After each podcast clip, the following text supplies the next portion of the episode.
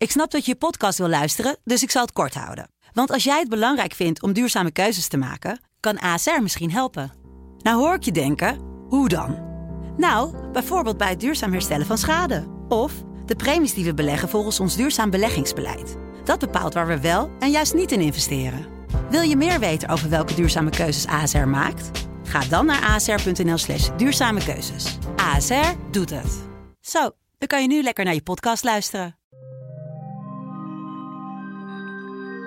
Dit is Spraakmakend, een podcastserie van De Telegraaf. Met daarin echte verhalen van echte mensen, verteld door henzelf. Deze podcast is eerder als video verschenen op 13 november 2022. Mijn naam is Carlijn Bernoster. Anderhalf jaar geleden wordt de 22-jarige Shelley met 51 messteken om het leven gebracht door haar toenmalige vriend. Het klinkt als een script van een horrorfilm, maar het is helaas de realiteit waar haar moeder Mariette Bos mee te dealen kreeg. En Mariette zit naast mij op de bank. Ik vind het ontzettend moedig dat je hier zit. Uh, zeker omdat het zo kort geleden is, anderhalf jaar pas. Ja. Ik wil eerst even weten, hoe gaat het met je? Ja, we zitten nog steeds in een rollercoaster. Ja, Het gaat op en neer. De ene moment gaat beter dan de andere moment. Ja, ik kan me voorstellen. Krijg je wel hulp? Heb je eh, mensen waarmee je goed kunt praten? Ja, ik heb een psycholoog. Dat is een hele fijne man. Ik mag hem altijd appen. Eh probeert me aan alle kanten te helpen. Alleen hij zegt ook, het is een traject die we ingaan die de rest van mijn leven gaat duren. Ja, precies. Ehm, we zien Shelley hier achter ons op, eh, op het scherm. Ja. Kan je vertellen wat voor meisje Shelley precies was? Shelly leek als je de zo kende hard. Maar het was een meisje met een heel klein hartje. Eh Shelly die werkte graag met, met mensen. Dus die eh, deed in de zorg. Ja. Werkte ze als huishoudelijke hulp. Maar bleef ze altijd wel, wel langer hangen. Omdat mensen altijd hun verhaal kwijt wilden. Ja, precies. ja. Maar ze was ook een dierenvriend. Eh 4 mei kregen wij, eh, vorig jaar nog, kregen wij een app van haar. Eén minuut van acht. Mam, denk je eraan dat je zo je mond moet houden, want de klok gaat starten? dat ik dacht, van, wie heeft jou dat geleerd? Eh rouwstoeten, als die eraan kwamen, ja, dan duwde ze letterlijk naar de kant. Want zij vond, dan, dan moest je buigen. ja, respect voor hebben. Ja, Ja. Shelly was daar echt... eh, maar ze kon ook heel hard zijn.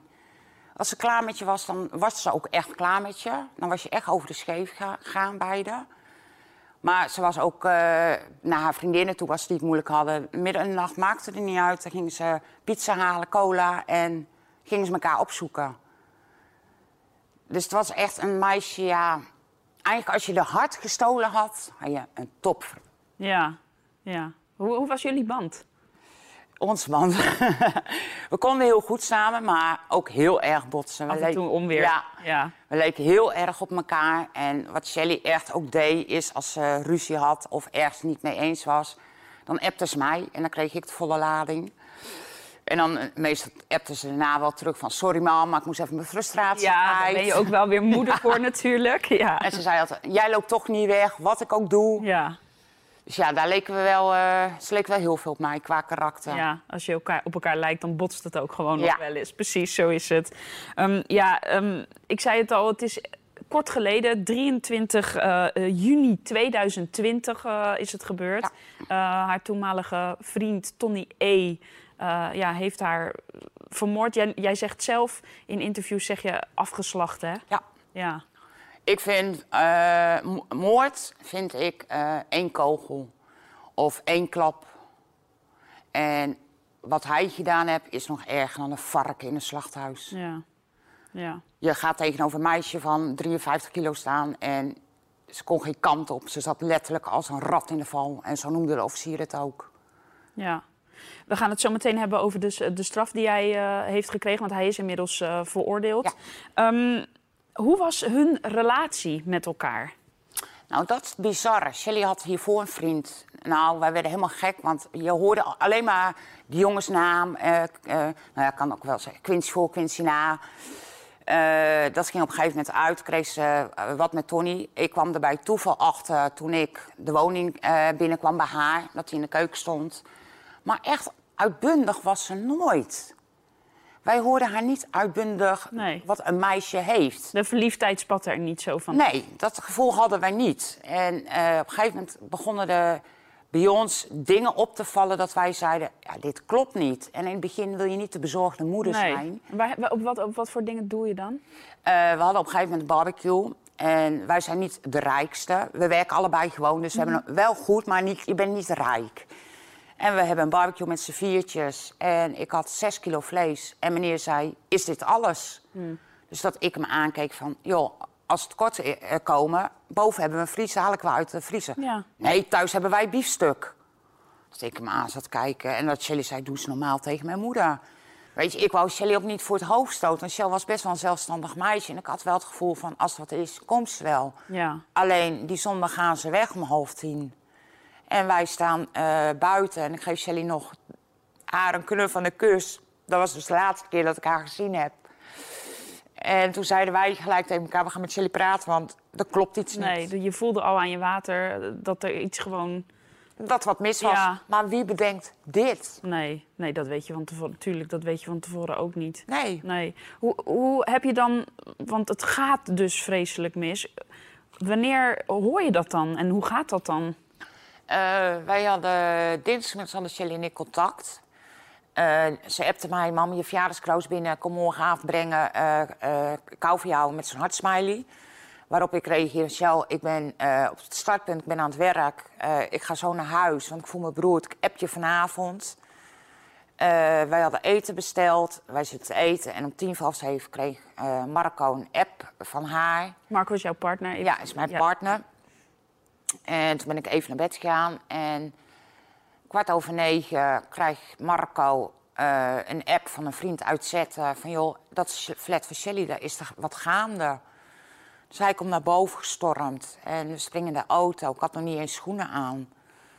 En we komen al halfwege de straat en het staat helemaal blauw van de zwaailichten. En ik had er al geprobeerd te appen en te bellen en het lukte niet. Nou, dan zit je natuurlijk verschrikkelijk eh, in de zenuwen. En dan kom je daar aan en zijn moeder zat er al. En ik werd tegengehouden door de politie. En toen werden we verzocht om eh, naar het politiebureau te gaan. En toen zijn we overgebracht naar het politiebureau. En wist je toen gelijk al dat het, dat, ja, dat het mis was? Of, eh, Ja, het was al op internet gaan lekken. Wij, Ja. Dan hoor je wel hier en daar, maar je hebt toch nog hoop. En om half tien ging haar app online. Toen dacht ik, oh, Shelly leeft nog, Shelly leeft nog. Ja. En toen bleek politie te zijn. Maar die reageerde niet op mijn apps. En dan eh, zeggen ze in het politiebureau... ja, het gaat om een meisje, helemaal vol getatoeëerd, een jaar of dertig. Dus ik zeg tegen Marco... Godzijdank, dat is Shelly ja, niet. nee, want die is 22. Ja. En, ja. En dan om 14 over 11 komen ze met een cruciale foto. en dan moet je haar Ik moest haar tatoeage gaan identificeren. Alleen aan de hand van haar tatoeages. Ja. Weet, je, weet je dan gelijk al wat er... Wordt er dan gelijk al aan je verteld wat er gebeurd is? Nee. Nee, er werd, eh, we keken naar die... eh, ik kreeg eerst tatoeage en toen zei ik van ja, dat is mijn dochter. En toen zeiden ze waar zijn, familie, zijn ouders ook bij zaten van ze is overleden.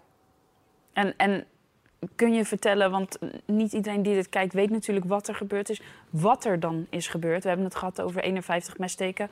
Neem je tijd, want het is een heel heftig Ja. eh, verhaal. Zoals wij, eh, zoals wij Shelly hebben gezien later, eh, is Shelly thuisgekomen rond vier uur van haar werk. Eh, heeft ze zich omgekleed. Eh, ze had haar verder kleren aan. Eh, aan het aanrecht heeft ze eten gekookt, spinazie met aardappels. Toen is ze eh, rond half zeven is ze naar, naar een inbouwkast gelopen. Ze hebben in die flats van die eh, inbouwkasten, vroeger noemden ze dat kolenkasten. Dat is een hok van anderhalve meter ongeveer bij 50. Daar zit een deur voor. Ze heeft die deur geopend en daar heeft ze eh, links haar koelkast staan, rechts haar wasmachine. En ze heeft waarschijnlijk een toetje willen pakken. En hij is naar die kast gelopen en heeft eh, zo recht in het gezicht gepakt, vastgehouden. En met de achterhoofd zes keer tegen een betonnen muur aangeslagen. Toen is ze omgevallen, is tussen de muur en de wasmachine vast komen te zitten. En toen heeft hij een aardappelschilmes van het aarde gepakt... waar zij die avond haar aders mee had geschild. Heeft hij me- mee. Dat mesje brak af. Toen is hij naar de keukenlaan gelopen. Heeft hij een boterhammes gepakt. Die brak ook af. En vervolgens heeft hij anderhalve meter zich om moeten draaien naar een andere kast. Die kast moest ze openen en een slaagsmes gepakt uit een sla- zo'n messenblok. Ja. En volgens eh, in totaal 51 keer gestoken. En toen heeft hij er gewurgd en gesmoord. En ze had botten in de lichaam gebroken. En gewoon de kast dichtgedrukt. Want U- hij, hij zei ook, hij heeft gecontroleerd en om zeker te weten dat ze dood was. Ja, pu puur, pure, pure haat. Pure... Ja, en hij gooit het op. Ik had een waas. Maar sorry. Want, want hij geeft aan eh, dat, dat ze ruzie hadden hè? en dat het Ja. daar iets is. Hij geeft in de rechtbank aan... Shelley had fotolijstjes gemaakt met een foto van hem en haar. Wij hadden hem zondags op vaderdag al gehad. Eh, zijn ouders hadden hem vergroot gehad in een puzzelvorm. En voor oma eh, lag er ook een. Hij zegt, Shelley heeft hij kapot gegooid. Daardoor ging bij hem een knop om. Voor de duidelijkheid, dat lijstje is op de zaterdag kapot gevallen. Die zaterdag voor de moord was ik bij Shelley. Dat lijstje lag op de slomtafel. Shelley ging koffie zetten. Ik pak dat lijstje om op het eethoek leggen. En, het glas breekt. Waarop Shelley nog zegt... Mam, maak je niet druk. Ik heb veertig van die lijstjes. Ja. En hij beweert dat het aanleiding was tot moord. Hij zegt... Ja, eh, we kregen woorden en ik ben naar het balkon gelopen. Het was 30 graden. Deur staat open. Deuren dus- stonden open, gehoren geflat. Ja. En hij zegt, ik ging op het balkon zitten met mijn zonnebril op... zodat, ze, dat, zodat zij niet zag dat ik huilde. En toen ging ze daar tekeer. Nou, sorry. Dat- Shelley was het luchtalarm als die boos werd. Dus er moet iemand iets gehoord hebben. Ja, en niemand heeft dat gehoord. Nee, want dat is wel gek, hè? Want hoe is ze dan uiteindelijk eh, ontdekt? Eh, op een gegeven moment eh, is het om eh, iets over half zeven na de moord... heeft hij eh, een van zijn vrienden gebeld. Die is gekomen. En die is bij, in de woning van Shelley op de bank gezeten. En die verklaart... Terwijl zij nog... in de kast ligt te knokken voor haar leven. En die verklaart van, ja, ik zie bloed aan zijn handen zitten. En hij staat volgens op, loopt langs die kast op en gaat water drinken in de keuken. Niemand die omkijkt naar Shelley. Na drie kwartier belt die jongen zijn broer. Die jongen slaat pas alarm. Er zit er al ruim anderhalf uur tussen Ja. voordat de politie komt. Ja. En mijn dochter ligt uit de knokken voor haar leven. Niemand wist of ze toen nog leefde. Dat kon alleen een dokter zeggen. Ja. En als er misschien wel gelijk actie was ondernomen... dan had er nog iets... ja. Ja. Ja, er zijn een hoop dingen die, die, die gewoon Niet kloppen. Nee, niet kloppen. Ehm, Ik vind ook, naar mijn mening, als jij eh, ergens komt, of nou een plaatsdelict is of een ongeval, dat jij gewoon verplicht bent die 112 te ja, bellen. precies. Ja. Maar die jongen zegt, ik was in shock, maar dan lees ik in zijn verklaring, hij heeft wel zijn vriendin geappt. Sorry, Ja. maar Ja. Ja. terwijl mijn kind daar ligt te knokken voor de leven. Wat als dat kind hun misschien wel gehoord heeft? Ik weet het niet. Nee. En dan heb ik ook nog gehoord dat je dan op een gegeven moment moet, moet natuurlijk het, het appartement moet dan leeg. Ja, En dan kom je daar binnen en dan tref je, bloed aan. want er is niet opgeruimd. Nee, bij eh donderdagavond, twee dagen na de moord, werd woning vrijgegeven. Eh, de familieregisseurs ging als eerste erheen. En die zeiden, ja, de woning is goed. En toen kwamen wij daar en eh, was schemerig die avond al. Dus wij zagen ook niet veel, want ik wou die lamp ook niet aandoen. Nee. En wij gaan weg. En de volgende avond, ik ga terug naar de woning met een vriendin van Shelly... om de jurk op te halen voor de crematie. En de televisie onder bloed. Bloed aan de muren. eh, glas op de grond. eh, bloed aan de tafels. Maar waarom is dat niet opgeruimd? Geen idee. Maar dat was nog niet het ergste. Wij vragen op een gegeven moment aan de advocaat... waar is Shelly vermoord? Want wij dachten in die woonkamer. Ja. En toen zegt ze in de kolenkast. En we gaan er s'avonds, Marco en ik gaan daarheen. En je ziet letterlijk op de muur zie je zo'n bloedafdruk van haar handje. Ja, in, in juli van dit jaar eh, is Tony E. dus eh, veroordeeld. Ja. Hij heeft tien jaar gekregen en eh, TBS. Ehm, ja, wat, wat vind jij van die straf? Te laag. Hij staat over, als, als, het goed, als hij zich goed gedraagt, 15 jaar vrij. En ik dan? Jij hebt levenslang, Ja. Hij wil terug naar Ede, waar jij woont. waar ik woon. Want hij heeft daar zijn bedrijf. Niemand denkt aan ons. Ja. Wat had je, het klinkt misschien gek hoor, maar wat had je gerechtvaardigd gevonden? is er een straf rechtvaardig? Liefst levenslang, maar dat hebben wij in Nederland Nee. niet. Ik vind 25 jaar met TBS. Had ik mee kunnen leven. Maar ik vind ook eh, dat wij als nabestaanden niet bang hoeven te zijn dat wij een verdachte of een moordenaar tegenkomen. Het moet gewoon standaard in Nederland zijn. Jij hebt een moord gepleegd in Ede. Daar mag je Jij mag jij daar nooit meer komen. Nee. Jij blijft Ede uit. Heeft hij ooit excuses gemaakt? Nee, Berouw getoond? nee.